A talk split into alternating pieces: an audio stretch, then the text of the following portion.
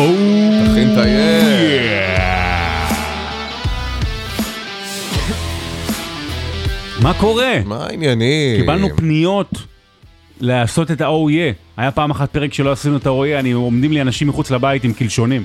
בסדר, צריך להשאיר אנשים אה, עם ציפייה, עם אה, כמיהה לדברים. אה, אתה לא יכול לחלק אה, OEA חופשי ככה. מה, אני, אני גם בן אדם, גם אפשר, אגב, אני אדבר עם הסוכן שלי, אנחנו נעשה OE פר פרק. אה, כן, רוץ על זה, רוץ על זה, בכיף. גם תמסחר את זה, לך על קמפיינים, לך אה, על מה שאתה רוצה. ברמן, מה קורה? בסדר, מה שלומך? הכל בסדר? לא, אני בקושי זז. הייתה לי, היו לי יותר מדי ביקורים באיקאה בשבוע האחרון, שנגמרו בסחיבה של קרטונים ושולחנות והזזה של דברים, ולעלות ולרדת במדרגות פה בבית עם הדברים הכבדים.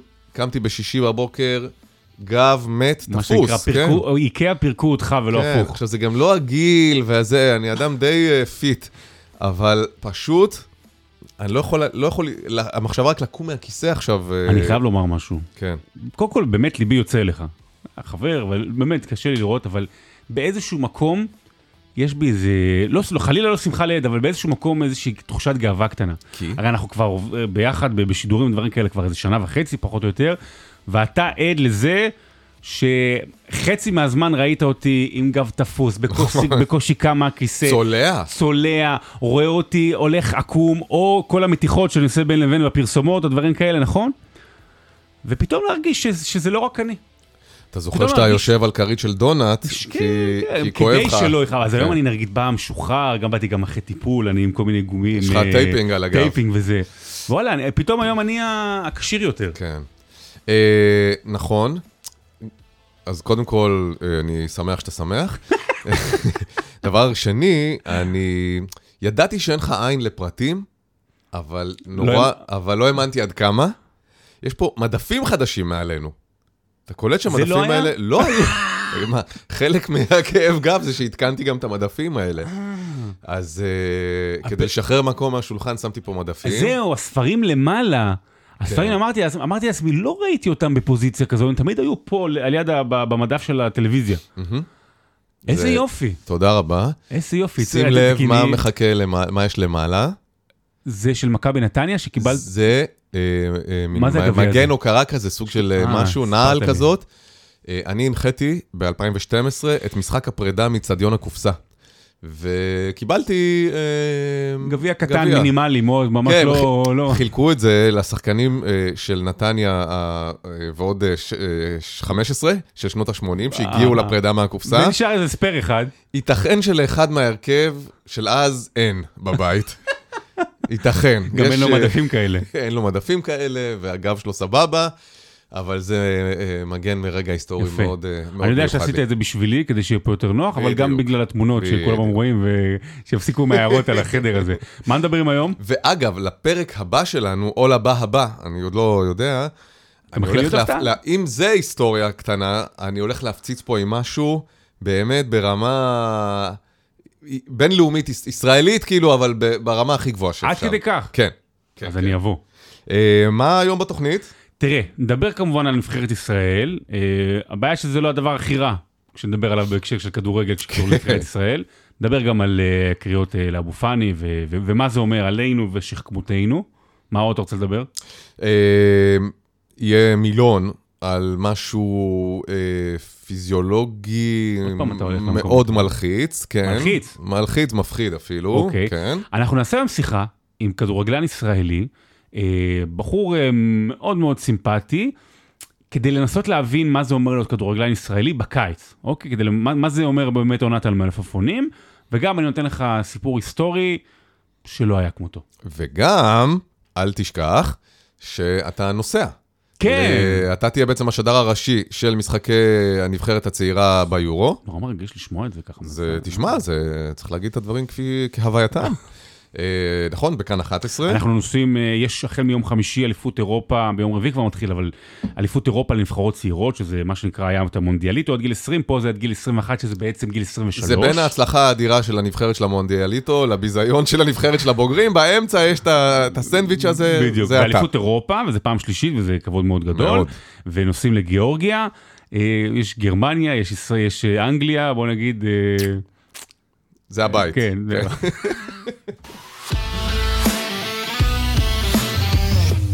טוב, מה, נדבר קודם כדורגל? קודם כדורגל, כי, כי צריך להתחיל בכדורגל. אתמול היה משחק אה, של אה, הנבחרת אה, מול אנדורה, סוף שבוע בכלל, שני משחקים של ישראל. כן? אגב, לא מול רואנדה, כפי שכתבו אה, בתוכנית שלי שאני מגיש ברשת 13 היום שהיה, אז המשחק בדיוק נגמר תוך כדי. ואמרתי, חייבים להכניס את הידיעה הזאת, כי, כי הוא נגמר וזה ניצחון. אה, אז אה, עכשיו, אין להם מושג בכדורגל, המערכת שלי. באמת, אני היחיד שמבין בק... ב- בספורט שם. אנשים מאוד נחמדים, אינטליגנטים, כישרונים, אין להם מושג. למרות שהם לא מבינים, כן. זאת אומרת, זה אפשר לשלב בין השניים. אז uh, פשוט התבלבל להם, ובמקום אנדורה כתבו רואנדה. זה אותן אותיות, כן? כן, פשוט לא- לא לא ידעו כן, באיזה זה, מסגרת, אירופה, אפריקה, זה אותו דבר, נשמע... והוא הוא כבר לא עובד היום יותר. אה, זאת היא, ואני האמת לה. מת עליה, היא אחלה בחורה, אה, אבל זה הצחיק אותי. גם לראות את הפרצוף שלי, כאילו, זה כבר נהיה כזה בטוויטר. אה, מם, מם כזה. כן, כן, יפה. בסדר. אז ניצחנו 2-1 את אנדורה. כן, אה, חילצנו ניצחון.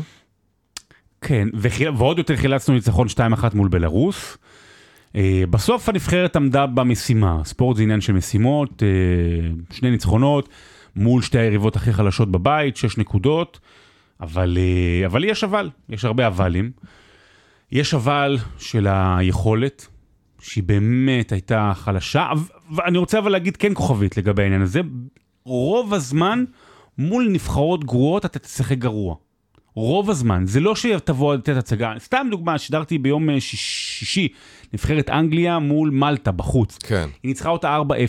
להגיד לך שהייתה איזושהי הצגה של נבחרת אנגליה? לא. לא, אבל מול זה- קבוצות בונקר, ואתה יודע, כן. קבוצות לא מוכשרות, אז בדרך כלל המשחקים יראו כך, גם אתמול- ועדיין... גם אתמול האנגלים אה, פירקו 7-0, צפון נדמה לי, מקדון בבית. מקדוניה.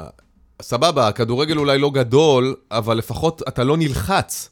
ואיכשהו נבחרת ישראל, ביכולת הרעה שלה, מצליחה להביא אותנו למצב שאתה בלחץ, אתה רואה משחק מול fucking אנדורה, שבאמת, שחקנים, חלקם הגדול לא, לא, לא, לא יודע, מקצוענים לא, אפילו. זה נבחרת מאוד קטנה. כן, אה, עובדים בכל, אתה יודע, זה, זה 80 אלף איש, כל המדינה, 80 אלף איש. יש שם שופינג ללא אה, מס, אחלה מדינה. ואתרי סקי, וכסף אירופאי כזה של פעם. אבל אה, זה נסיכות אפילו, זה, זה... לא יכול להיות שאתה נלחץ מולם, מול בלארוס, באמת, מה אנחנו... מה אנחנו... עכשיו, אני חושב שיש כאן פער גדול בין היומרה שלנו, איך שאנחנו תופסים את עצמנו, ויש לנו שחקנים באנגליה, ויש לנו שחקנים באוסטריה, ומונדיאליטו וזה, לעומת העובדה ש... אני משוכנע שבהגרלה של הבית הזה, גם האנדורים וגם הבלארוסים, ובטח הרומנים, אה, שמחו שיש להם את ישראל בבית. כמו שאנחנו שמחנו שאיכשהו התגלגלנו לדרג הזה, שבזכותו אנחנו כאילו מעל רומניה ואנדורה. ורומניה וקוסובו. המדינות האלה, שעולה הפתק של ישראל, הן שמחות, כי הן יודעות שזה מכשול מאוד אוויר. ולצערנו, ברמת הכדורגל, זה פשוט נראה רע מאוד. רע מאוד. כדורגל לא טוב, משחק, משחקים לא טובים. אנחנו צריכים איזה גילוי נאות. באחד הפרקים הראשונים, אני חושב, אולי הפרק הראשון או השני שלנו, דיברנו לקראת פתיחת הקמפיינים, אתה נכון. זוכר, ונורא דיברנו ב... באהבה, אה, באופטימיות שכזו, אה, ואמרנו יש דור חדש וזה יכול להצליח. עכשיו צריך להגיד שחלקים מאוד משמעותיים בכדורגל הישראלי לא נמצאים שם. ערן זהבי, מסיבותיו, מונס דבור, חלוץ בבונדסליגה מסיבותיו, עומר אצילי, החלוץ הכי פורה, השחקן הכי פורה בליגה בשנים האחרונות, מסיבותיו. אה, דיה סבא. דיה סבא, מסיבותיו הלא ברורות. לא- לא הבנתי מה הסיפור אני שם. מה, יש התנצלות, לא התנצלות. מה שנקרא, ארבעה מתוך השבעה, שמונה שחקנים הכי טובים שלך לא משחקים. חלק זה מוצדק, חלק לא, אה, אבל, אבל זה, זה, כל אחד זה שווה דיון בפני עצמו, אז צריך להגיד את זה. ועדיין, הנבחרת בארבעה משחקים, אני לוקח גם את המשחקים מול קוסובו, והיה 0-3, הפסדנו לשוויץ, נראית רע. אפשר לקחת במצטבר אולי 45 דקות טובות. אמ, אבל אתמול, מול אנדורה, אני חייב לומר, חייב להגן, נכון, הנבחרת, קודם כל, היא, היא נגררה. הרי כשמישהו פחות טוב ממך, אז הוא ינסה בדברים אחרים לעצבן אותך. קצת מכות, קצת אה, משיכות, ובאמת ראית את דולב חזיזה, ווייסמן, וסולומון, נגררים להקנטות של האנדורים, שבצדק מבחינתם, ואז גם המשחק נראה ככה. ההגנה שלנו היא מחפירה. אני יודע שאתה אוהד מכבי נתניה, ואני מאוד מחבב את רז שלמה, והיה לו אתמול גול גדול, הוא לא שחקן, ויש לנו בעיה בהגנה. הוא לא שחקן הזה- שצריך לפתוח בנבחרת ישראל. רז שלמה הוא מגן סביר בליגת העל. בלם, כן. אה, מגן, סליחה, בלם סביר בליגת העל. הבעיה שלנו, אה, שבסופו של דבר, אם רז שלמה הוא הבלם הראשון של הנבחרת, יש פה בעיה, בלמים באופן היסטורי בנבחרת ישראל הייתה אה, הרבה מאוד שנים. תחשוב מי הבלם האחרון הטוב שהיה לנו. טל בן חיים אולי. כן, וגם כשהוא היה בשיאו. כן. בשיאו לפני עשר שנים, אולי יותר אפילו, נכון? תראה, יש אה, לך עכשיו את גולדברג שנתן, אגב, הופעות מצוינות, ויש לך את מיגל ויטור שקיבל אזרחות ופצוע.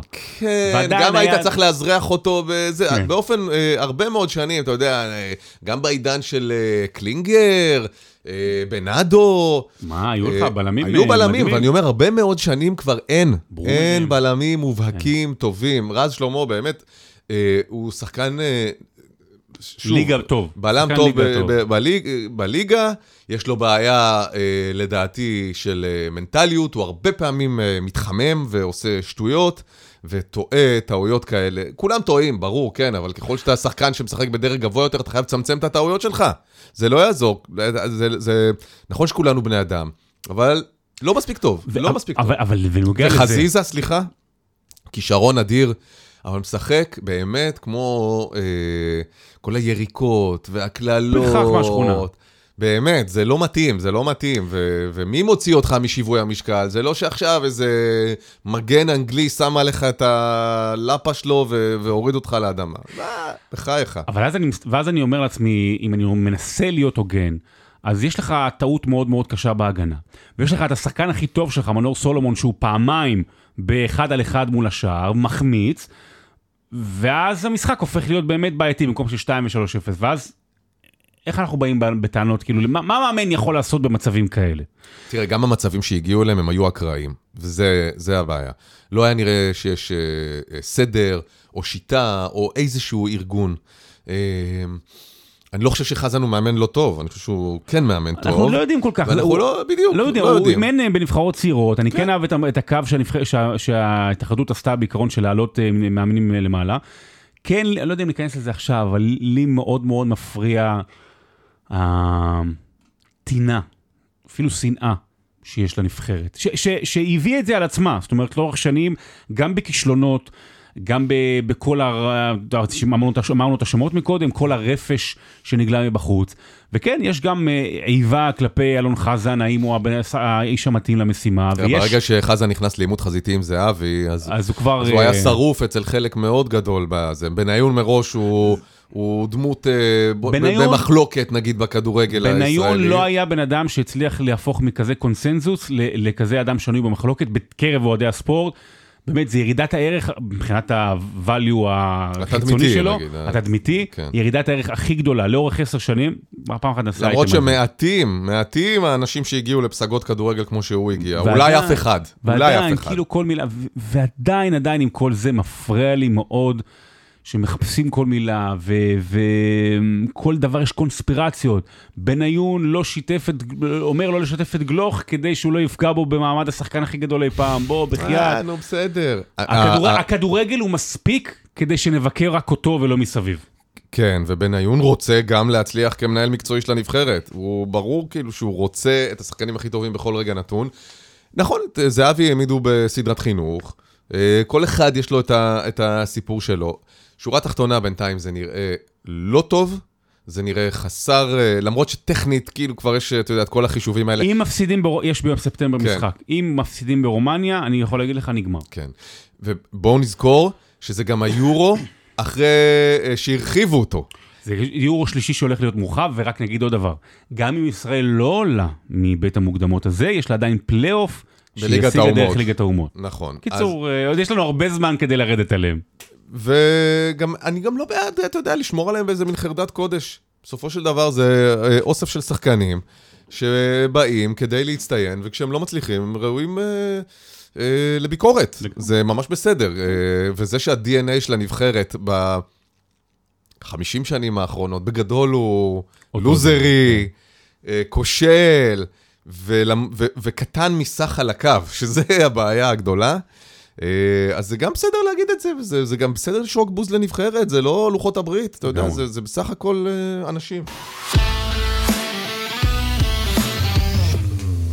טוב, בואו נגיע לפיל שעומד לשבור פה את החרסינה בחדר. כן. אה, לא כל כך שמו לב לזה תוך כדי המשחק. אני מודה, אני, שג, אני סגר, כאילו היה בוז לאבו פאני, סגרתי את הטלוויזיה, הלכתי אפילו כמה דקות אחרי זה לישון, פתאום אני קם בבוקר ל... מדברים רק על זה. רק על זה, ואפילו למה לא הגבת, לא, כן. לא, לא ידעתי, ואז באמת אתה, אתה קורא, נגיד, במהלך המשחק, אבו פאני, שחקן הערבי של נבחרת ישראל, אה, מי שחתם הקיץ, אגב, בפרנס ורוש, ההונגרית, אה, נכנס, מחצית שנייה, מקבל בהתחלה שריקות בוז, ולאט לאט זה מתגבר. אה, משחק שנערך בטדי, היה שם אה, קריאות של אה, אבו פאני מת. מחבל, כל אה, הרפרטואר ו- הגזעני שהכדורגל הישראלי יכול לתת. ואז בעצם מתחבר לזה גם, אתה יודע, זה לא סתם עבר, אלא הוא גם בחור מאוד רגיש. הוא ירד אפילו דומה, הבנתי, לחדר הלבשה, ו- וזה היה, הייתה שם ממש סצנה. כן. אתה יודע, אני רוצה להגיד משהו לפני. אני רוצה להגיד משהו. אנחנו עכשיו נדבר על ענייני גזענות, ואנחנו נדבר על, על דברים שיכולים גם להיכנס לתוך עולם הפוליטיקה, אני חושב שזה ייגרר לשם. אני יודע, יש אנשים באים לדבר, לשמוע על ספורט, רוצים לשמוע או לא, אז הנה אנחנו אומרים לכם, אנחנו הולכים להגיד כל מה שאנחנו רוצים, כמו תמיד. אם נראה לכם שיכול להיות משהו לא נעים, יש timeline, יש timeline בזה. למה, מה, מישהו לא יכול להתמודד עם דעה אולי שהיא אחרת משלו? מי שלא כן, יכול אה, א', לעשות כן. את זה, אז הוא כן, מאוד אה, יגיעו- ילדותי. נכון, נו. בסדר, אז אם אתם חושבים שאתם לא יכולים להתמודד עם זה, הכל בסדר, תעברו גם מי ישמע הבא. עכשיו מה זה? לא יודע, יכול להיות לא, שיפלט לי משהו. אוקיי. הגזענות המובנית בחברה הישראלית כלפי הערבים אה, חוצה שוב את הגבול, מרימה את ראשה ופגעה בשחקן נבחרת ישראל אה, באבו פאני. הכדורגל הרבה פעמים הוא דווקא אי יוצא דופן בחברה הישראלית. הרבה אינטראקציות, אני אגיד אחרת, מעט פעמים אה, יהודים באים במגע עם ערבים מחוץ לספורט. רוב היהודים הרי חיים בערים ויישובים יהודים, הערבים חיים איפה ביישובים של הערבים, ואיפה יש את עיקר המגע? במקומות עבודה לפעמים, אתה יודע, שוק, בית מרקחת, כן, אבל אה, אינטראקציה אמיתית יש בספורט. הספורט, אינטראקציה שוויונית אפילו. כן, הספורט בישראל הוא באמת אחד הגשרים הבודדים בין החברה היהודית לחברה הערבית. וקבוצות ילדים נוסעות ליישובים ערב, יהודים, נוסעות ליישובים אה, ערבים כדי לשחק שם אה, בליגות של הילדים, וההפך אה, קורה, ובגלל זה... זה כל כך עצוב לראות אה, אירוע כזה. זה ממש אה, מבאס. ולדעתי, דיברנו על זה קצת בפינה בבוקר אה, ברדיו, זה לא במקרה היה בירושלים ובטדי, הייתה שם גם אה, מחאה של אוהדי אה, בית"ר ירושלים נגד העונש שהם קיבלו סביב הפריצה לדשא בגמר הגביע. הם באו ומחו, ומחו בצדק אגב, מחאה סופר לגיטימית ואפילו גם מוצדקת בהרבה המחאה מובנים. מוצדקת, אבל זה שרצו לפוצץ את המשחק והיו צריכים לערב את השר, זה לא מוצדק, זה מדינת פרוטקשן. כן, נכון. אז אני לא יודע אם זה היה, אם אבו פאני בסמי עופר היה מקבל את הבוז הזה, או בנתניה, או בבלומפילד, או... לדעתי זה, יש איזו הלימה בין... אה, אבו פאני קיבל את זה בבאר שבע כשהוא היה שחקן מכבי חיפה, כן. שריקות אה, גזעניות וגם אה, ירד דומע. אז זה- זה שם. זה קורה, אני לא אומר שזה קורה, אבל משחק של נבחרת ישראל, בכל אופן זה טיפה אחרת. אני רוצה להגיד שני דברים. אחד, אני רוצה לשים את זה באיזושהי, לא יודע אם פרופורציות, אבל בפרספקטיבה הנכונה. קודם כל, פעם, פעם ישראל הייתה מקום הרבה יותר גזעני. פעם הגזענות הייתה ממ- ממסדית, פעם הגזענות הייתה מקובלת. גם מקרשי הכדורגל היו מקומות הרבה פחות נעימים. מה זה אומר? זה אומר שכשסיריל מקנקי, הזר השחום האור הראשון שהיה בישראל, אה, שיחק במכבי תל אביב, וכל האצטדיון שר לו הו הו הו הו הו, זה היה מקובל, זה היה נשמע כזה לא מוזר, ולאט לאט זה נעלם. ואם זה קורה היום, אז אתה מדבר על זה וזה חזק. ופעם היה מקובל לצ- לצעוק לאמסלם, לשמעון אמסלם ההומו, אמסלם ההומו, אולם שלם, אולי לא תגיד אה, טדי בביתר, לא, מכבי תל אביב, אמסלם ההומו. אה, היה מקובל והיום זה לא מקובל.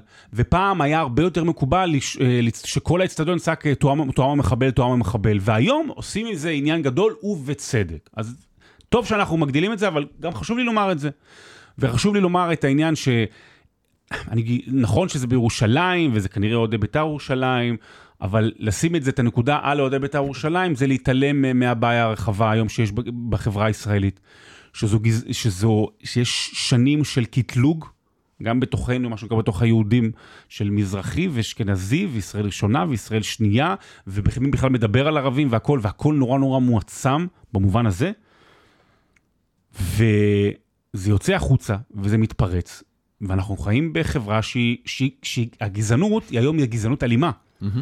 כי היום מישהו כמו בן גביר, הוא שר לגיטימי לחלוטין, וסמוטריץ' עם הדעות שלו, אז זה בסדר שהוא טוב או לא טוב והכל, אבל, אבל הדעות, כאילו, אה, הדעות הגזעניות הן נאמרות והכל.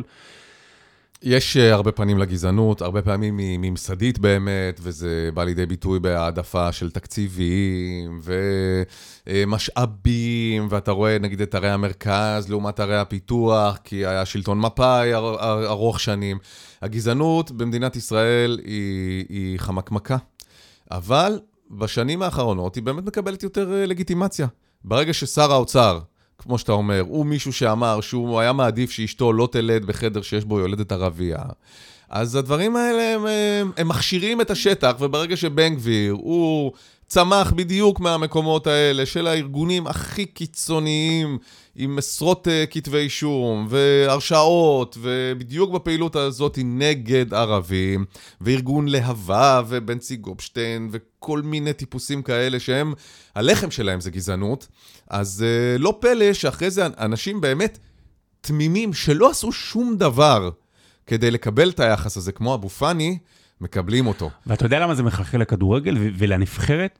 זה מחלחל כי אנחנו נותנים לגיטימציה לשאלות שהן גזעניות. לשאלות האם שחקן שלא שר את ההמנון, שבמהלך ההמנון, ההמנון מדבר על נפש יהודי הומייה ועל תקווה בת שנות אלפיים שהיא של היהודים ולא של אף עם אחר, האם מותר לו לשחק בנבחרת? וזה מחלחל כי שואלים האם קפטן הנבחרת, שתרם למדינה הזו יותר מ-99% שאני מכיר, והוא צ'רקסי, מה לעשות? הוא לא נולד לאם יהודייה, הוא נולד לאם צ'רקסית, מה לעשות? שהם תורמים למדינה הרבה יותר מ... מ, מ, מ אגב, מקהילות אה, אה, מסוימות אחרות, mm-hmm. אוקיי? האם זה בסדר שהוא יענוד את סרט הקפטן, כי הוא לא יכול לומר נפש יהודי הומיה? כן. וכשאתה שאלת, שואל את השאלות האלה, אז אתה מתחיל לשאול שאלות שהן גזעניות. יפה. אני מאוד שמח שהעלית את סוגיית ההמנון. כי גם חשבתי על זה אתמול. בואו רגע, אה, בואו נזכור, מדינת ישראל 20 וקצת אחוז מהתושבים שלה הם ערבים. זאת אומרת שאחד מכל חמישה הוא לא יהודי, יותר אפילו. קורה, okay? אוקיי? מה לעשות? המדינה הזאת הוקמה כמקלט ליהודים שנרדפו והושמדו אה, בכל העולם, במיוחד אחרי מלחמת העולם השנייה. אם לא הייתה שואה, סביר גם שלא הייתה מוקמת מדינת ישראל, כי זה מה שדחף את מדינות העולם בסופו של דבר גם לאשר את המקלט, את הבית הזה לעם היהודי. אה, ומהי ציונות? הרי כולם מנפנפים היום בדגל של... הציונות היא תנועה. הציונות היא אה, התנועה אל ציון. משם נולד המושג ציונות. אל ציון, אנחנו בגולה אלפיים שנה, ואנחנו רוצים לחזור אל ציון, אל ארץ ישראל, ולכן הציונות. ברור שכשהוקמה המדינה, או אפילו שנכתב ההמנון, שזה כבר לפני יותר מ-100 שנה, אה, נכתב השיר, ב-DNA שלו זה נכתב על ידי יהודים עבור יהודים. עבור יהודי גולה. וכן, כי הרי מה אומר ההמנון? כל עוד בלבב פנימה, כל עוד יש פנימה, אה, כל עוד בלבב פנימה, נפש יהודי, כמו שעושים ABCD, אתה כן. צריך את זה. אתה תמיד שואל מה כן. נפש יהודי נפש יהודי או מיה, ולפתי מזרח קדימה, קדימה. זה גם המזרח, זה קדם. מאירופה, מזרח, מאירופה, מזרחה, כן, בדיוק, זה של יהודים אשכנזים, שכתבו את ההמנון, להסתכל מזרח על ארץ ישראל, ולפתי מזרח קדימה, עין לציון צופייה, אנחנו כל הזמן זוכרים את ציון. אה, זה אה, עוד לא עבדה תקוותנו לחזור אל ארץ ישראל, התקווה בת שנות אלפיים, כאלפיים שנות גולה. ההמנון הזה הוא מבטא את האתוס היהודי ואת התוקף להקמת מדינת ישראל מתוך הנרטיב היהודי. אממה, חמישית מהאזרחים פה הם לא יהודים. בואו ננסה לעשות משחק אה, סימולציה, אוקיי? נגיד שיש, אני לא הולך אפילו לגרמניה. אנגליה, אוקיי? נגיד חמישית מאזרחי אנגליה היו יהודים ו-80% אה, נוצרים. האם אנחנו, אתה, אני וכל אחד מהמאזינים שלנו, היה עומד, בהנחה שהיה מזומן לנבחרת אנגליה, ושר המנון שאומר נפש נוצרית הומייה, אולפתי לונדון קדימה, אה, הרי הרי לא היינו, נכון? איזה יהודי ישיר על הנפש הנוצרית, או על הנפש המוסלמית, או על הנפש ההינדואית, או, או השינטואית, או איפה, ש, איפה שאתה לא נמצא. אנחנו יהודים, ההמנון הזה מדבר עלינו, אני לגמרי יכול להבין, והייתי נוהג כמו כל אזרח ערבי, ולא שר את ההמנון. זה לא אומר שאתה לא מכבד אותו, זה לא אומר שאתה לא מכבד את המדינה. בכל אופן, בוא נזכור שאלה אנשים שלובשים את המדים של נבחרת ישראל. בדיוק. עם דגל ישראל על המדים האלה, והם מייצגים את ישראל, ו- והם בצבעים של הכחול לבן, אז בסדר גמור, זה ממש מובן לגמרי, ואפילו מאוד מאוד סביר והגיוני שלא ישאירו את ההמנון. אגב, גם הדגל הזה, ש- שמוטבע על המדים של השחקנים הערבים שלא שרים את ההמנון, מקורו בטלית. מקורו באביזר יהודי דתי. אלה הפסים שלקוחים מהטלית והושאלו אל הדגל. עכשיו, אה, עשיתי בדיקה קלה, איך, אה, איך זה עובד עם המנונים אה, ושחקנים אחרים, האם זאת המצאה ישראלית, האם זאת המצאה של אה, אזרחים ערבים בישראל? כמובן שלא, כמובן שיש אין סוף מקרים של שחקנים שמסרבים לשיר את ההמנון של המדינה אותה הם מייצגים, כל אחד מהסיבות שלו. למשל, ג'יימס מקלין, הוא כן, שיחק בווסט ברום. דיברנו עליו, אם אתה זוכר, אגב, שהוא, שגילו אצלו בגיל מאוחר אה, אוטיזם, כמו לילדה שלו. נכון, זה הוא, כן, עכשיו כן. הוא בוויגן. כן. אה, הוא אירי, והוא מסרב לשיר את ההמנון אה, הבריטי. במשחקי, אה, בפרמייר ליג, שיש... אה, כן. חודש לא יש... לא שר. כן. יש גם uh, בקריקט קפטן נבחרת אנגליה, לא יודע אם עכשיו או לשעבר, יואן מורגן. הוא גם אירי. אה, האירים נכבשו על ידי האנגלים. למה ששחקן, נכון שהוא מייצג, משחק בנבחרת, אבל בואו, זה גם הרצחת וגם ירשת, גם כן. שיזדהה עם ההמנון. שחקני נבחרת איראן כמובן לא שרו את ההמנון במונדיאל כמחאה אה, והזדהות עם המהפכה נגד המשטר. Uh, בפוטבול אנחנו זוכרים את קולין קפרניק והמחאה הזאת של בזמן ההמנון האמריקאי, לכרוע ברך.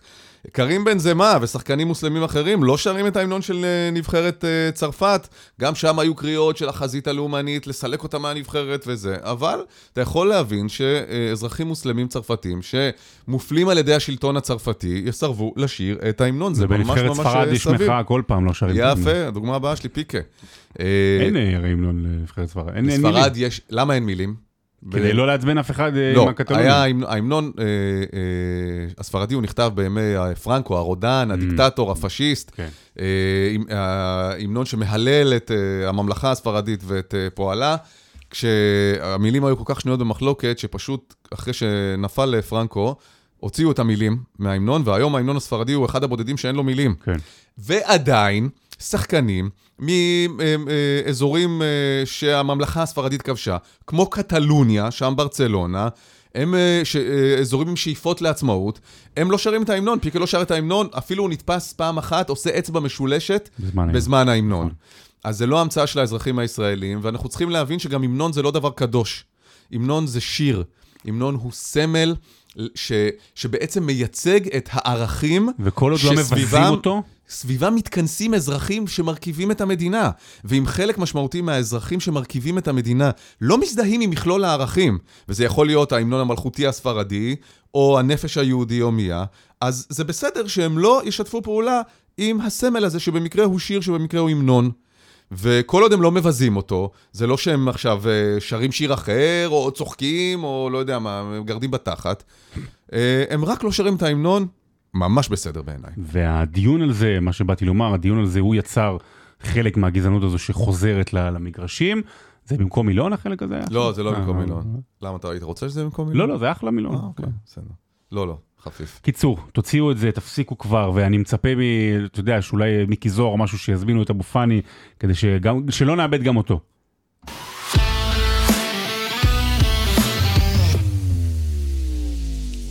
זה היה הקדמה למילון, מה שנקרא. עכשיו מילון?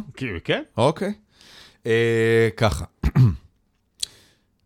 אין אה, הרבה ספורט. ואז אז, אז אני שוב... אה, אני, אני אעשה לך את ההקשר ככה, האמת כאילו מאחורי אה, זה, היה מרוץ הרצליה, אה, מרוץ חובבני. ואתה יודע, אני מת על אורי אוזן, ואני נורא מקנא באיכויות הריצה שלו, אה, ואני מעריץ גדול שלו. אפילו הבוקר עקבתי, הוא לא יודע, אבל יש לו, הוא תמיד משתף לייב את הריצות שלו בבוקר, אני עובד בשעות המוקדמות האלה בבוקר, עקבתי לייב אחרי הריצה שלו, הוא רץ בקצבים, אני מקנא בו, באמת, סטוקר של אורי אוזן אני. אה, אני רץ הרבה יותר לאט ממנו, זה לא משנה, אבל הייתי שמח לרוץ מהר יותר. ובכלל, בקיץ יש לי אה, תופעה גופנית שאני רץ, אני מקבל כאב ראש מיגרנה מאוד מאוד מאוד חזקה, שלפעמים רק שישה כדורים מצליחה, מצליחים להוריד לי את הכאב ראש. מה שישה כדורים ביחד? די רצוף, כן. אה, שני אדווילים, אופטלגינים, כל אחד... יש לי פתרון יותר טוב בשבילך. אה? לא לרוץ. לא לרוץ. בדיוק. זה מה שאני עושה למשל, תראה איך אני אה, בריא. באמת, לצערי, בקיץ אני מאוד מנמיך את הריצות שלי, ואני בעיקר שוחה, אה, וזה מבאס, מבאס אותי מאוד. ואז שראיתי שאורי אוזן אה, רץ אה, במרוץ הרצליה, זה היה בשבת האחרונה, נזכרתי, זה עשה לי איזה מין אסוציאציה כזאת של אדם שהוא מאוד מאוד קרוב אליי, שרץ במרוץ הרצליה לפני כמה שנים וכמעט מת. אוי. כן. וזה קשור לכל הדברים שאמרתי להם ביחד. בעצם פעילות גופנית בחום, היא, היא דבר שהגוף לא, הוא לא טוב לו. וכמעט בכל מרתון, גם מרתון תל אביב, שזה לפעמים אתה, אתה לא יודע באיזה טמפרטורה אתה תיפול, זה אמנם בפברואר, אבל אתה יכול אה, ליפול על אה, יום של 30 מעלות גם. אנשים מתמוטטים, ואנשים מת... אה, לא מסיימים הרבה מאוד ריצות ארוכות. היה, ו... היו שני מקרים של מוות, של מוות. לפני שמונה שנים. בהחלט. ו... ומכת חום זה...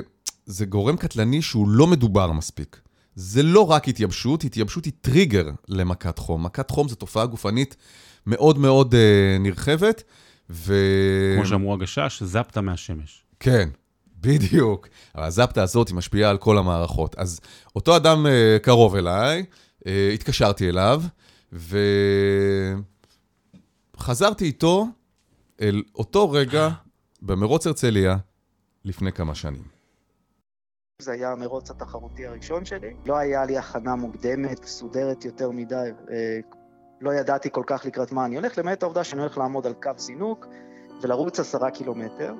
הייתי רץ טוב לגילי, סביר, לא מאומן יותר מדי, אבל אה, רץ חובב מתחיל. Mm-hmm. רץ בשביל הכיף שלו מדי פעם, כמה פעמים בשבוע, אבל לא משהו מעבר לזה. הניסיון שלי בריצה היה מועט.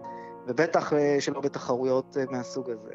המרוץ היה בשבת בבוקר, אה, לא שתיתי מספיק לפני, ואם אני זוכר נכון, זה היה לפני כמה שנים, הבוקר היה יחסית קריר, ומצאתי את עצמי מתפנה כמה פעמים בשירותים, שתן וכולי, ועמדתי על קו הזינוק, בגדול מרוקן לגמרי מנוזלים. אני חושב שבאמת חוסר הניסיון שלי בהכנה, היה קריטי mm-hmm. למה שקרה במהלך המרוץ עצמו. מצאתי את עצמי עומד על קו הזינוק די בקו הראשון או בקו השני, ופתחתי בריצה מהירה יחסית, לא מבוסתת. בסופו של דבר, אחרי שישה, שבעה קילומטר, שבהם אני רץ בקצב שהוא, עוד פעם, בדיעבד, ללא ספק היה מהיר מדי בשבילי, הרגשתי לאט-לאט איך הגוף מתעייף מעבר למה שהייתי אה, רגיל אה, בקבוע. ובסביבות הקילומטר השישי והשביעי התחלתי להרגיש ממש עייפות שרירית, אה, קצת התכווצויות, והשרירים של הרגליים התעייפו עד כדי שלא יכולתי ממש להרים אותם. עצרתי, עברתי להליכה, אז אה, נעצרתי ממש, זה השתחרר טיפה, חשבתי שאני יכול להתקדם, להמשיך ולרוץ. ניסיתי עוד פעם אה, לחזור לריצה קלה, השרירים השתתקו לגמרי. בעצם השרירים נכנסים למין מוד של נעילה, ובעצם אי אפשר להזיז אותם, אתה, אתה נמצא כמו בשיתוק. Mm-hmm. ואז התיישבתי על, בצידי הכביש, הרגשתי לא טוב. מה שאני זוכר זה שהגיע כנראה חבר'ה של הצוות הרפואי או משהו כזה, לקחו אותי משם, פינו אותי למקום פינוי כזה. אני, אני זוכר, יואב, כיוון שבאתי אליך לבית החולים יחסית די מהר אחרי שהתעוררת, אה, אני זוכר שאז סיפרת שיש לך בעצם חור בזמן, זאת אומרת, אתה זוכר שאתה רץ, ואז, שאולי קצת מתעייף, מתיישב, אבל אז התעוררת בכלל באזור פינוי. נכון, אז, אז uh, היה איזשהו פרק זמן, אני אפילו לא יודע להגדיר אותו אם ארוך או קצר, אבל uh, מצאתי את עצמי ממקום שבו הייתי אחרי הקילומטר השישי-שביעי יושב בצד הדרך, מוצא את עצמי באוהל הזה, ששם התחילו את הטיפול הרפואי בי, לקחו לי את המדדים וכולי, והסתבר שהתייבשתי מאוד, ו... ואני זוכר אנשים סביבי, ואני זוכר הם מדברים עליי, ואני קצת מנותק מהגוף, במובן הזה שאני רואה את האנשים, שומע אותם, אבל כנראה שהמצב, לפחות מבחינת הצוות הרפואי, לא היה פשוט. אני הרגשתי, הרגשתי, טוב, אוטוטו אני קם ויוצא משם. אה, הם חשבו אחרת, ושאלו אותי כל מיני שאלות, עניתי, אבל אין ספק שהייתי במצב הכרתי מופחת, כן. אם יש דבר כזה. כנראה נכנסתי לאיזשהו אירוע לבבי מסוים שלא לא בדיוק הגדירו אותו שם או במקום, ופינו אותי לבית חולים, לביילינסון, אה, ובוקר שהתחיל לעמוד על קו, קו זינוק, נגמר אה, בביילינסון, והיה צנתור רפואי אבחנתי, שבסופו הסתבר שאני בריא לחלוטין ואין לי שום בעיה משום כיוון, ושכנראה אה, הייתי במצב של התייבשות חמורה, mm-hmm. אה, שהובילה בעצם לתוצאה הזאת של שרירים שלא מתפקדים, ואובדן של מלכים כמובן, אה, שגם כן כנראה אה, השפיע על זה. אתה מבין? תקשיב, סטיבן שפילברג, כשהוא עשה את המחקר שלו, אסף עדויות מהשואה, לא עשה כזה. הוא, עכשיו זה תותח. מכת חום, זה בעצם המושג. מכת חום. הוא תותח, זה מישהו שעשה איירון מן, זה מישהו שעושה מרתונים. חזר לזה אחר כך? כן. אה, זה לא איזה מישהו שסתם יצא מעל הראש שלו לרוץ. הוא רק לא שתה מספיק, וזה הוביל לאיזה מין גלגול, שבסופו של דבר הלב שלו, הלב שלו קרס. אמ, אז זה היה נראה לי עולם ומלואו. מה בסך הכל התייבשות או מכת חום שמקבלים יכולה אה, לגרום לגוף? ואז אה, יצאתי לעוד מסע דוקומנטרי. יש כמה מערכות שפעילות במקביל. הן עובדות בסינכרון, הן עובדות יחד כדי שנוכל לתפקד. כשמתחילים להעלות עצימות באימון, המערכות האלה מתחילות להשתבש, לקרוס, אחת-אחת. טמפרטורה גבוהה גורמת לפירוק של חלבונים. חלבון הוא המרכיב העיקרי בכל תא בגוף שלנו. לכן, במצב של מכת חום, המערכות אחת-אחת נכנסות לחוסר תפקוד. כמעט כל מערכות הגוף נפגעות מחום גבוה. נשימה, לב, כלי דם, כליות, מערכת העיכול, המוח, מערכת העצבים, מערכת קרישת הדם, הכל. וזה מוביל לתפקוד לקוי של איברים, חוסר איזון של אלקטרוליטים והפרעות מטבוליות. זה יכול להגיע גם לקריסה של הכבד, הכליות, השרירים, התייבשות ופגיעה בזרימת הדם. בואו נפרט קצת את המערכות שקורסות, איך זה קורה. בדרך כלל, הגוף שומר על טמפרטורת ליבה יציבה, באמצעות תהליך שנקרא ויסות חום, שזה בעצם איזון בין ייצור חום ועיבוד חום. כאשר הגוף נחשף לחום יתר, הוא מנסה להתקרר על ידי הגברה של זרימת הדם אל פני האור ועל ידי הזעה.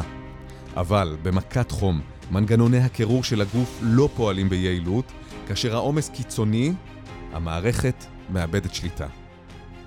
ואז הגוף מאבד כמויות גדולות של נוזלים ואלקטרוליטים, ועולה על המסלול המהיר להתייבשות, שמאיצה עוד יותר את חוסר היכולת שלו לווסת את הטמפרטורה ולבצע תפקודים תקינים.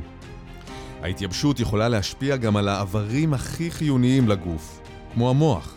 במכת חום, הרי טמפרטורת הליבה של הגוף עולה במהירות ובאופן רציני. זה יכול לקפוץ ברגעים לטמפרטורה של 40 מעלות ומעלה. ההיפותלמוס, החלק במוח שאחראי על ויסות טמפרטורת הגוף, יכול להגיע למצב שהוא לא עומד בעומס ולא יכול לשלוט בעודף החום. מכת חום מעוררת גם תגובה דלקתית בגוף. דלקת זה מנגנון הגנה טבעי מפני נזק לרקמות. אבל דלקת קיצונית או בלתי מבוקרת יכולה לגרום לתפקוד לקוי של איברים ועוד סיבוכים. ואז גם מנגנון ההגנה הזה קורס. כמובן שמערכת הלב וכלי הדם גם הן מושפעות מאוד במכת חום. כלי הדם מתרחפים בניסיון לפזר חום מהגוף, מה שעלול לגרום לירידה של לחץ הדם. הלב עובד קשה יותר כדי לשמור על זרימת דם לאיברים החיוניים, אבל במקרי קיצון, מערכת הלב וכלי הדם נפגעים, מה שמוביל להלם, אי ספיקת איברים, הלב עוצר, האיברים מושבתים. המוח כאמור פגיע במיוחד במהלך מכת חום. הטמפרטורות הגבוהות גורמות לנזק לתאי המוח ומשבשות את התפקוד הנוירולוגי התקין. אתה מתחיל להרגיש בלבול, לא יודע איפה אתה, סחרחורת, חווה התקפים של פרכוסים. זה יכול להגיע גם לאובדן הכרה קצר, או ארוך יותר, ואפילו למצב של תרדמת. בקיצור, אל תרוצו כשחם.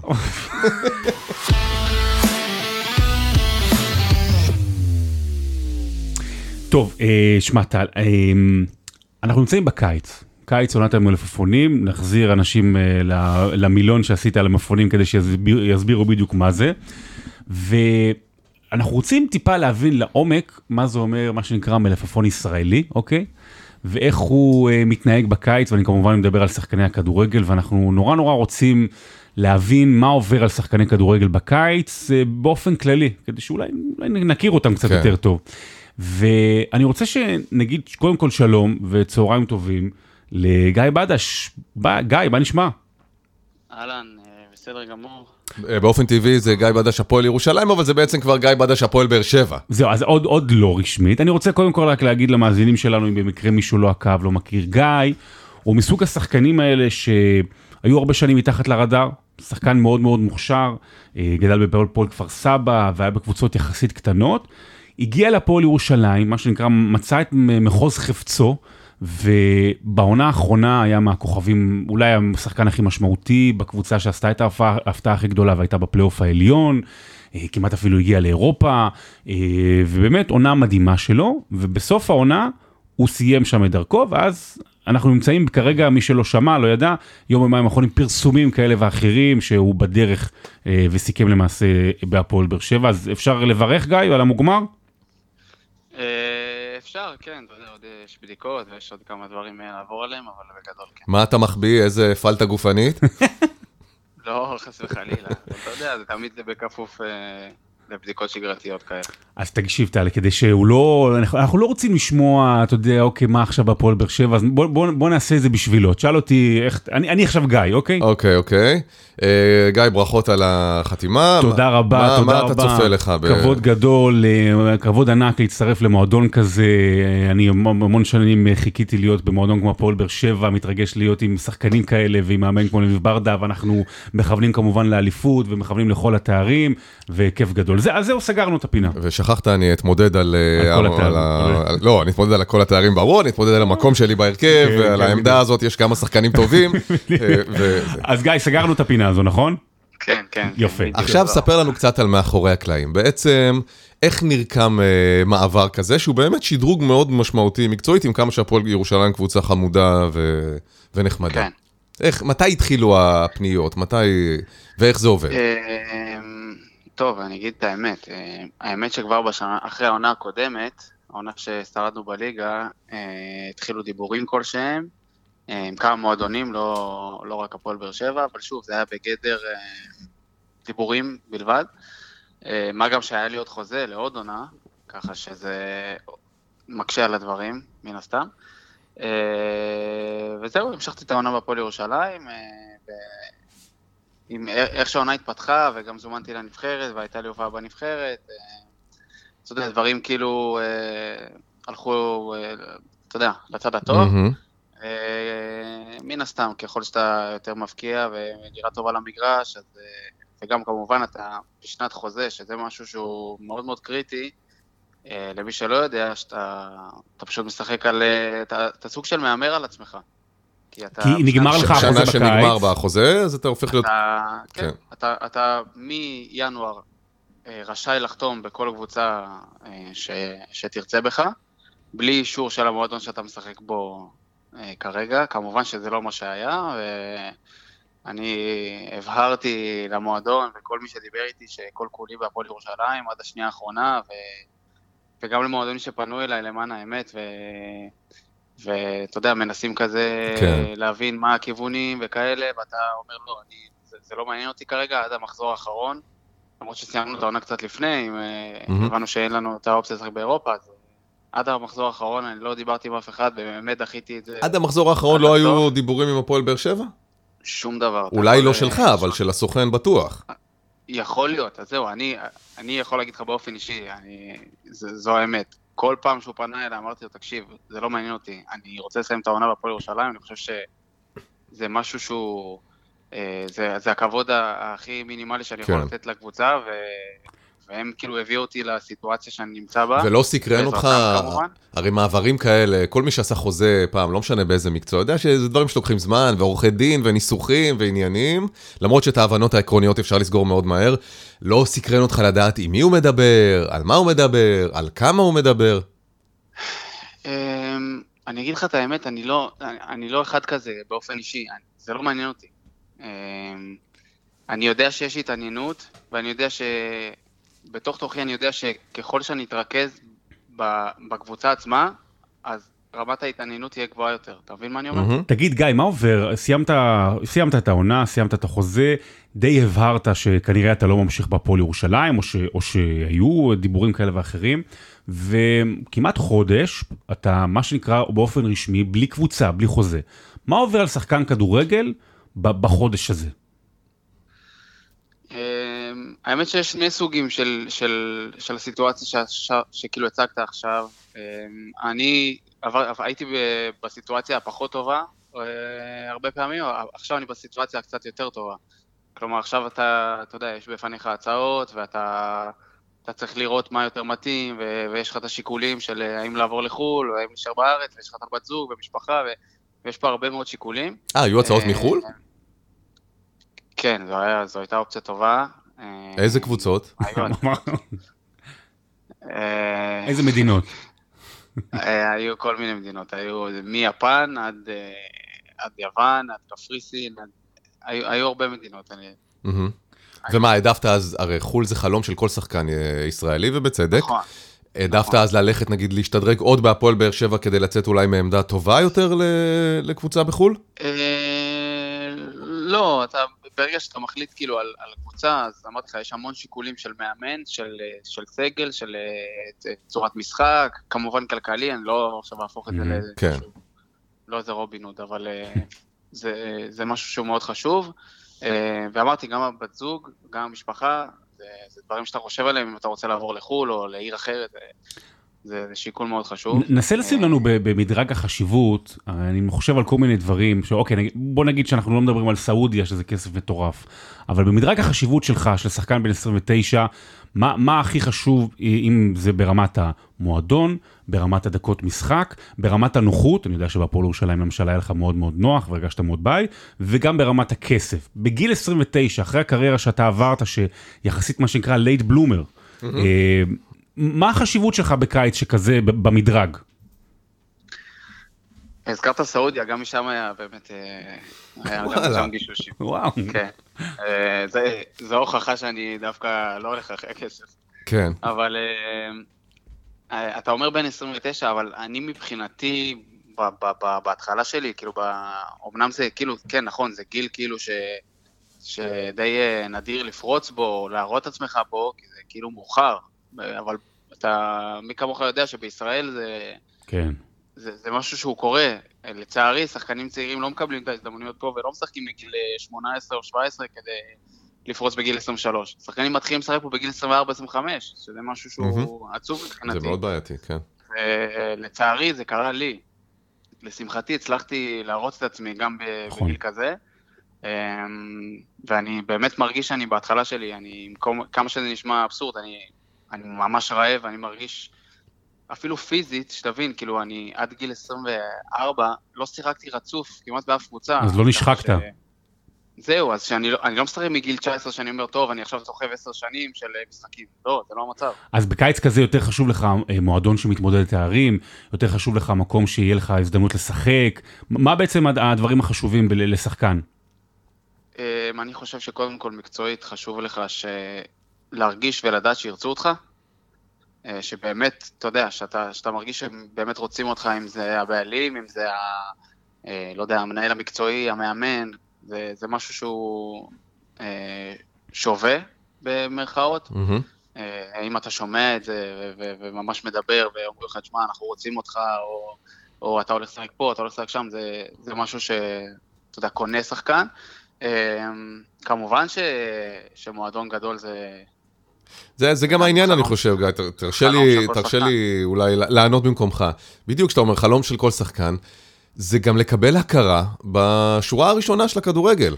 זה, הפועל ירושלים זה נחמד, כל מיני מועדונים קטנים יותר שעברת בהם זה גם נחמד, אבל, אבל פתאום גיא בדש זה שם שיכירו אולי בכל בית. כן, ו- ו- וגם בעוד 20 שנה, יכול להגיד, בוא'נה, שיחקתי בהפועל באר שבע, התמודדה כן. אליפות, היינו באירופה. הפסדנו שוב לחיפה.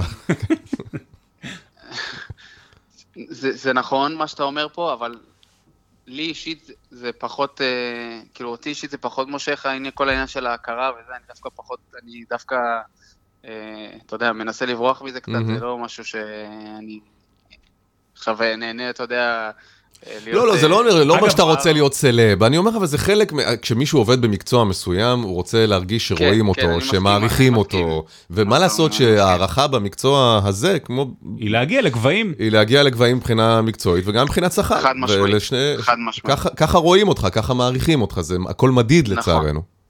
אה, בוא נגיד שהבמה שלך היא יותר גבוהה, היא יותר גדולה, כל מה שאתה עושה הוא, אתה יודע, נבחן אה, על ידי יותר עיניים, ו... ו... אבל מה שצריך לקחת בחשבון בצד השני, שאתה נלחם פה עם הרבה יותר שחקנים טובים. כן. ש... שגם, כלומר, אם דיברת על אליפות, ו...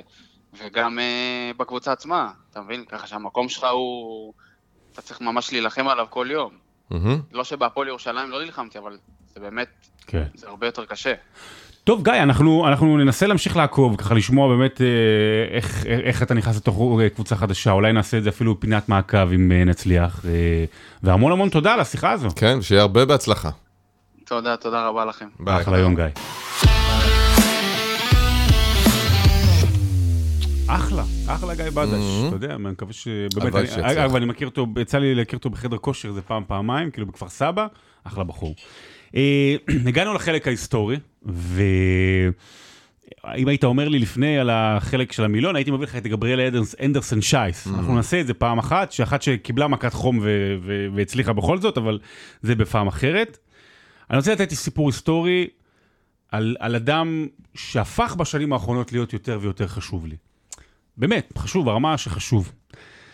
תראה, אני יליד 86, אוקיי? אני נולדתי ב-86, באפריל 86, והסיפור שאני רוצה לספר עליו קרה חודשיים אחרי זה, ב-22 ביוני 1986. אז לא ראיתי אותו. ואני כשגדלתי, אז לא ראיתי יותר מדי את דייגו ארמנדו מרדונה, זה האיש. אבל אני כן זוכר שהוא, יחד עם רוני רוזנטל, זה אהבת הכדורגל הראשונה שלי. זאת אומרת, אני זוכר לקראת מונדיאל, נגיד 1994, שרק על זה מדברים, או כשאני משחק כדורגל, אני עושה איזה מהלך, אני אומר, אני עכשיו מרדונה, אני מרדונה, אז, אז במובן הזה, ומונדיאל 94 שראיתי בבירור, אז אני כן זוכר משם מה שקרה, ואת הכדורגל שלו, אז כן היה לי חיבור אליו. אבל כשעברו השנים, לאו דווקא הוא היה בראש מעייניי, אבל משהו קרה. והמשהו הזה זה אצלי. אני בשנים האחרונות, במיוחד בעשור האחרון, אמרתי, איזה תפקיד אני לוקח בעולם הזה שנקרא עולם התקשורת, אני יותר מגיש, יותר שדר, יותר... אז הכל מהכל, אבל יותר סטורי טלר.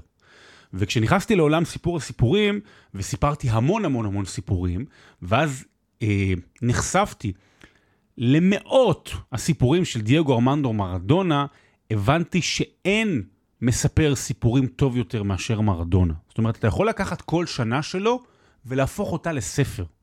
עד כדי כך. והסיפור הבא שאני עומד לספר עליו הוא סיפור הכדורגל הכי גדול בכל הזמנים. והוא מתוך, כתבתי עליו בספר פילי מונדיאל, mm-hmm. שיש בו עוד 50 הרגעים הגדולים בתולדות גביע העולם. ונכון, דיברנו על זה שאין לנו חסויות ואין לנו ספונסרים, אז אני אתן ספונסר חסות לזה. אני עכשיו שבוע הספר, חודש הספר, אז מי שמוזמן, אני אשים גם לינק.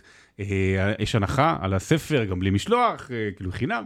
אה, פילי מונדיאל. צריך איזה קופון משהו? לא, יש שם כבר 25% הנחה. אוקיי. דוידוביץ' טופ 50, אז על פילי מונדיאל, גם על ספרים אחרים, אבל פילי מונדיאל. הכתובת היא דוידוביץ' טופ 50. דוידוביץ' טופ 50, אז אפשר לקנות את הספר.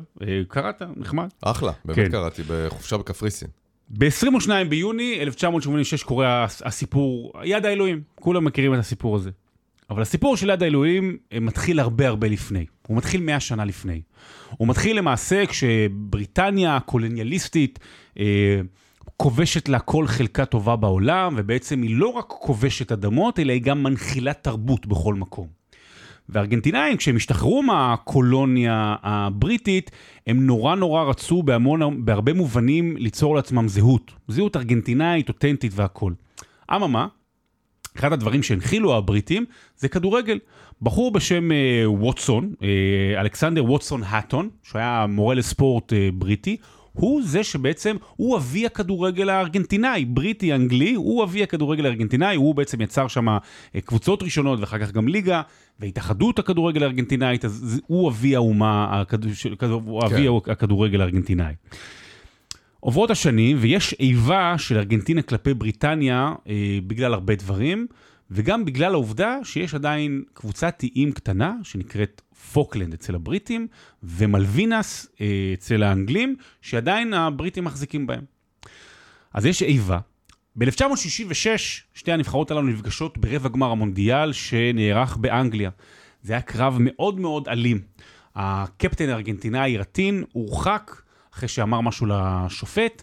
אה, בצורה אלימה, והארגנטינאים כמובן לא הסכימו, זה נגמר בניצחון 1-0 לאנגליה, אבל מה שקרה בסיום זה שהמנג'ר, אלף רמזי, שהוא גם הוביל אותה לזכייה אחר כך באותו טורניר, הזכייה היחידה של אנגליה אי פעם, הוא אמר את המשפט הבא בסיום, "אה, לא שיחקנו טוב, אבל הטוב ביותר יגיע כאשר נשחק מול היריבה הנכונה שמגיעה לשחק כדורגל ולא נגד חיות. היה שם מקום מאוד מאוד גזעני, כן. כלפי הדרום אמריקאים, ואז הכותרות בעיתונים צעקו, גנבו לנו קודם את המלווינס, עכשיו גנבו לנו את גביע העולם. זאת אומרת, האיבה הזו הולכת ו- וגדלה. בשנות ה-70 משתלטת על ארגנטינה דיקטטורה. דיקטטורה אלימה, רודנות. וכטיבה של דיקטטורה, כשהיא לא מצליחה וכשנערמות הבעיות, במיוחד הכלכליות, אז היא אומרת, מה נעשה? בוא נצא למלחמה. ואחרי בעיות כלכליות קשות בארגנטינה, ב-2 באפריל 1982, בהפתעה גמורה, ארגנטינה תוקפת את איי המלווינס, את איי פוקלנד, מפתיעה בהתחלה ביום יומיים הראשונים את הנחתים הבריטים, ובאמת גם מציירת את זה כניצחון מאוד מאוד גדול לארגנטינה, ותראו מה עשינו, כ- כטיבן של דיקטטורות ששולטות גם בתקשורת, אבל מהר, אני אתן ספוילר, עד היום בריטניה מחזיקה באיי פוקלנד, והתוצאה שם היא הרסנית לעם הארגנטינאי.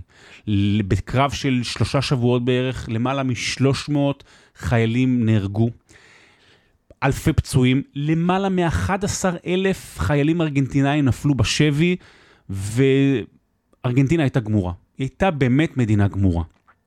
הרודנות אה, הסתיימה, 1985, אם אני זוכר נכון, ואז מגיע באמת בן אדם שמגיע לנקודת הזמן האפשרית היחידה שיכולה לבצר סיפ, סיפ, סיפור שכזה, ובן אדם יחידי שיכול ליצור סיפור שכזה. אני יכול להשוות את זה רק לדוד המלך. זאת אומרת, היית חייב מישהו כמו דוד המלך עם הסגנון שלו ואיך שהוא הגיע, שיפגוש בדיוק את גוליית כדי שיצא הסיפור שיצא אחר כך ועדיין מספרים עליו עד היום. וזה דייגו ארמנדו מרדונה. ורק אצלו יכול להיות המצב שבו אחרי כל מה שקרה ואחרי שהסתיימה המלחמה, בא אה, מקום הכי חשוב לארגנטינאים, הכדורגל, שהמציאו בכלל האנגלים עבור הארגנטינאים, הם נפגשות ברבע הגמר. וזה קורה ב-22 ביוני, באיצטדיון האצטקה במקסיקו. משחק לא כל כך איכותי יותר מדי, ארגנטינה טיפה יותר טובה, האנגלים נורא נורא קשוחים, ואז בדקה ה-51 מתרחש האירוע הבא. דייגו חולף באומנות על פני שלושה שחקנים, ומוסר לחורכה ולדנו שניסה להשתלט, אך הכדור ברח וקפץ מאחוריו. סטיב אודג', הבלם האנגלי, הרחיק עם רגל שמאל, אבל במעשה שטן שלח את הכדור אחורה ולמעלה. למעלה, למעלה. הירידה של הכדור מהשמיים הרגישה כמו נצח. השוער פיטר שילטון יצא קדימה וראה בזווית העין, ראש וחצי מתחתיו, את מרדונה מגיח בסערה, שילטון קפץ, שלח יד למעלה וניסה לאגרף את הכדור. אבל משהו הקדים אותו. דייגו התרומם עם כל הגוף, שלח ראשו מעלה ואיתו את יד שמאל צמודה לטלטלים האלמותיים. הוא עצם עיניים לפני המפגש עם הכדור, אך נגח בעיניים פקוחות ובכוונה ברורה. העולם נעצר באותו רגע.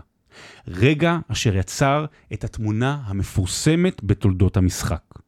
אבל זו לא הייתה תמונה, אלא ציור של מיכלאנג'לו. כמו ביצירה המפורסמת שבה האל נוגע באדם הראשון, ניצב שם מרדונה. אך בצידו השני של הציור לא היה אלוהים כי אם כדור.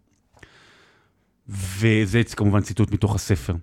קרו שם שני דברים חשובים מאוד אחרי השער הזה, שער יד האלוהים. מרדונה היה שחקן כדורגל מדהים, אבל הוא גם היה שחקן. עוד לפני שהכדור עובר את קו השער, הוא כבר קורא, קובע עובדות בשטח. מזכיר לך, לפני עבר. הוא כבר מתחיל לחגוג. אנשים היו בהלם, וגם השופט התוניסאי והכוון, ומסת- ומסתכלים, רגע, מה קרה פה? אבל הוא כבר חגג, הוא כבר קבע את היתד למה שהוא עשה. ובעצם מה שהוא עשה שם, הוא לא רק כבש נגד ארגנטינה, הוא רימה. הוא כבש עם היד. הוא הכניס את הסכין ואז סובב את זה. ונכון שהוא רימה, אבל, וזה אולי המשפט הכי חשוב שאני כתבתי בספר, מבחינתי לפחות, כי אחרי שפוליטיקאים שיקרו לעם הארגנטינאי כאילו שהם מנצחים, דייגו שיקר ל... כדי לנצח עבור ארגנטינה. והוא לא רק היה שחקן גדול, הוא גם היה משורר. ואחרי זה, בסיום המשחק, אחרי שארגנטינה מנצחת 2-1, וקורה עוד אירוע שנשמע אותו תכף, באים אליו כמה עיתונאים, לא הרבה, ושואלים אותו, תגיד, אה, דייגו, עם מה, עם מה כבשת? ואז הוא נותן, את ה, הוא נותן את הציטוט הכי מפורסם בתולדות הכדורגל. Un poco con la cabeza de Maradona y otro poco con la, con la mano de Dios. קצת הראש של אלוהים וקצת. סליחה, קצת הראש של מרדונה וקצת היד של אלוהים. אנשים באמת חשבו כל השנים שדייגו שם את עצמו כאלוהים והכל, כי הוא באמת נורא שחצן והכל אצלו נורא מוגזם. אבל זו לא הייתה מטרה. הוא בא להגיד שאם יש איזשהו אל, אם יש אלוהים בעולם הזה, אז הוא, הוא שלח את מרדונה או את הרגע הזה כדי לעשות צדק עבור הארגנטינאים. וגם דייגו אמר בסיום, אנחנו ניצחנו עבור ארגנטינה, אנחנו עשינו את זה עבור אלה שנפלו, ועשינו את זה עבור אלפי השבויים, והם ירו בנו מלמעלה כמו במטווח של ברווזים. והסיפור הזה הלך וצמח, והוא לא היה גדול, והוא לא היה כל כך היסטורי, אם לא הרגע הבא. Ahí la tiene Marabona, lo marcan dos, pisa la pelota Marabona, arranca por la derecha el genio del fútbol mundial, y es el tercero a tocar para Borruchaga siempre Marabona, genio, genio, genio, ta, ta, ta, ta, ta,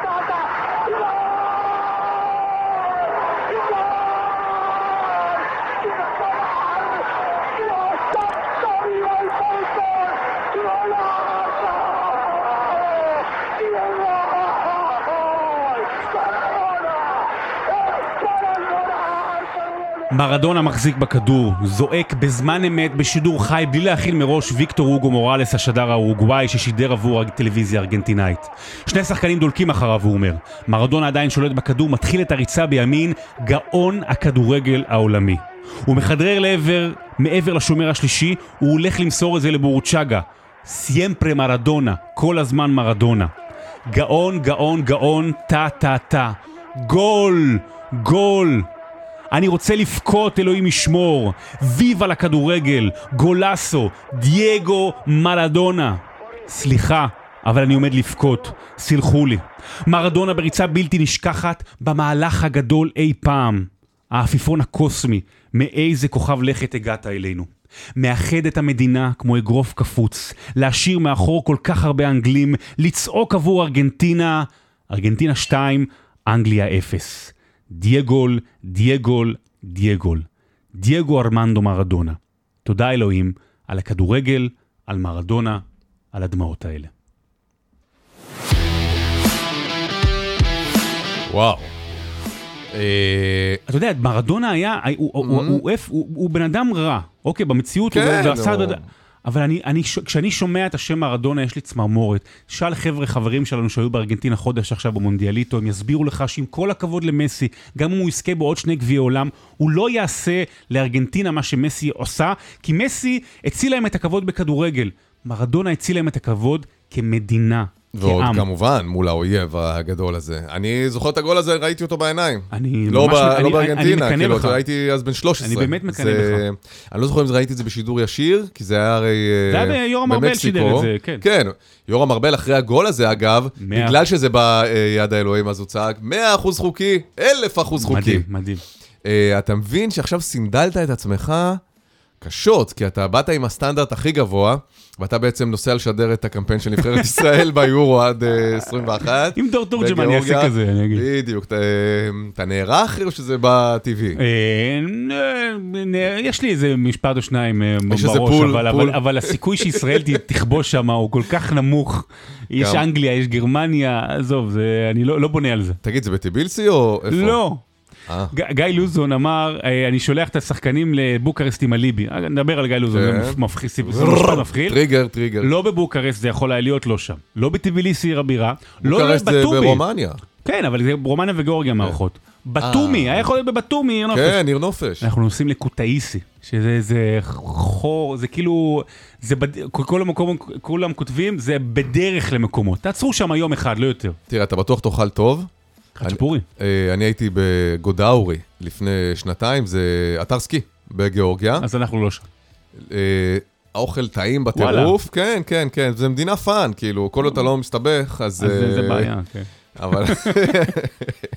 אז רגע, אז מתי אתה טס? אני טס ביום רביעי בערב, כן. ואנחנו נעשה פרק שבוע הבא, טרנס-אטלנטי.